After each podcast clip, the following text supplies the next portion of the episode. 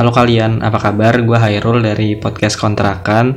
Selamat datang buat yang baru pertama kali dengerin.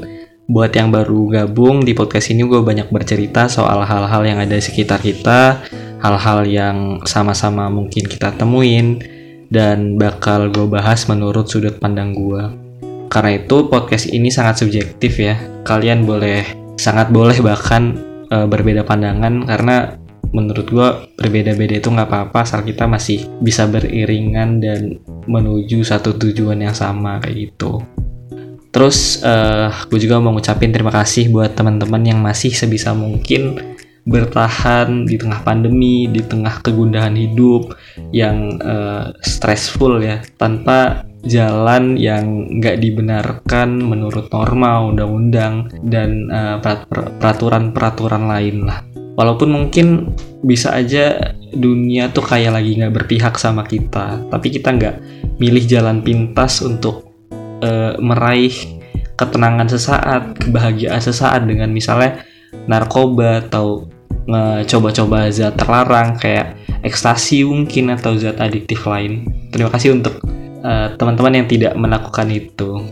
Karena pada kesempatan ini gue pengen ngomongin soal itu nih. Gue pengen ngomongin soal berkarya tanpa narkoba. Belakangan Indonesia lagi kayak dikagetin dengan adanya kabar komika Coki Pardede yang tersandung kasus narkoba jenis sabu. Menurut beberapa sumber yang gue baca, Coki menggunakan sabu karena stres, stres bekerja buat karya di YouTube yang mungkin kalian yang dengerin saat ini adalah salah satu penonton dari Coki itu juga terlepas dari kasusnya Coki Pardede, memang kebanyakan kasus-kasus pengguna narkoba biasanya itu dipicu oleh stres ya. Terutama artis-artis yang memang jam uh, kerjanya itu sangat padat gitu. Karena beberapa artis-artis yang stres itu mereka membutuhkan ketenangan kan. Kemudian mereka memilih jalan pintas dengan menggunakan narkoba untuk melupakan sejenak pekerjaannya mungkin, beban yang dipikul atau segenap permasalahan-permasalahan lain di dalam hidup mereka. Padahal menurut gua nggak harus dengan cara-cara yang seperti itu untuk menghilangkan stres. Ada beberapa pilihan lain agar ketika stres kita nggak larinya ke narkoba gitu. Menurut gue berkarya memang seharusnya nggak perlu pakai narkoba sih. Sesuai tema podcast ini ya, berkarya tanpa narkoba. Karena kemudian gue sadari ketika stres inilah pentingnya jeda dari rutinitas kita masing-masing gitu. Misal lu capek kerja atau stres sama rutinitas menurut gue lu perlu menciptakan distraksi dengan dalam tanda petik lari dari apa yang buat lu stres. Misalnya stres kerjaan ya solusinya menurut gue kasih jeda untuk sekedar ngasih otak lu tuh biar mikirin hal-hal lain yang bisa bikin otak lu nggak berkecimpung di itu-itu aja. Bisa dengan main game atau liburan atau semacamnya lah. Hal itu menurut gue bisa jadi salah satu pemicu agar kita nggak stres-stres amat, yaitu dengan cara menciptakan distraksi. Menurut gue sebenarnya kita tuh beruntung karena kita hidup di era yang penuh distraksi. Dan distraksi itu bisa sesuatu yang mengganggu bisa juga justru hal yang positif. Contoh distraksi yang mengganggu misalnya lu lagi berusaha produktif ngerjain kerjaan kantor misalnya. Kemudian atau kalau konten kreator lagi ngerjain deadline video karena tenggat uh, untuk uploadnya bentar lagi.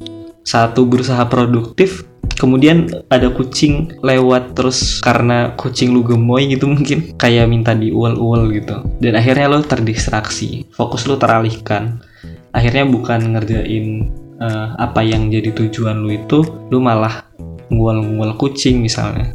Itu kan salah satu distraksi juga. Tapi itu arahnya tentu distraksi yang anggaplah negatif gitu. Karena tujuan awal lu teralihkan tapi ada juga distraksi yang sebenarnya positif. Misal lu penat dengan kerjaan, misal lu penat karena harus konten mulu. Pikiran lu tenggelam ke satu hal yang sulit buat lu untuk bergerak dan mikirin hal lain. Lu mikirin deadline misalnya, atau tekanan profesi. Kalau misalnya lu konten kreator, uh, lu capek berkarya atau omongan netizen lah.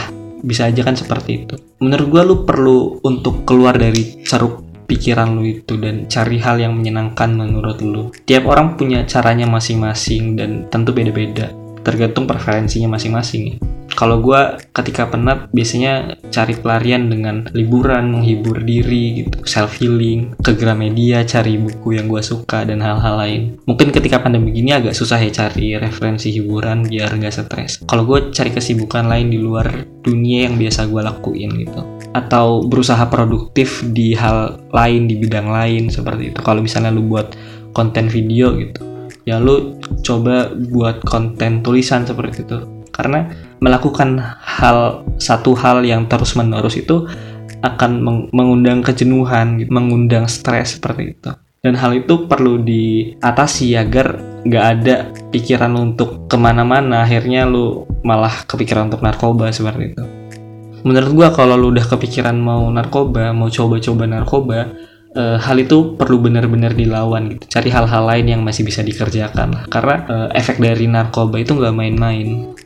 Menurut situs BNN yang gue baca beberapa efek menggunakan narkoba itu bisa menimbulkan halusinasi bahkan sampai gangguan mental menurunkan tingkat kesadaran bahkan hingga menimbulkan kematian gitu.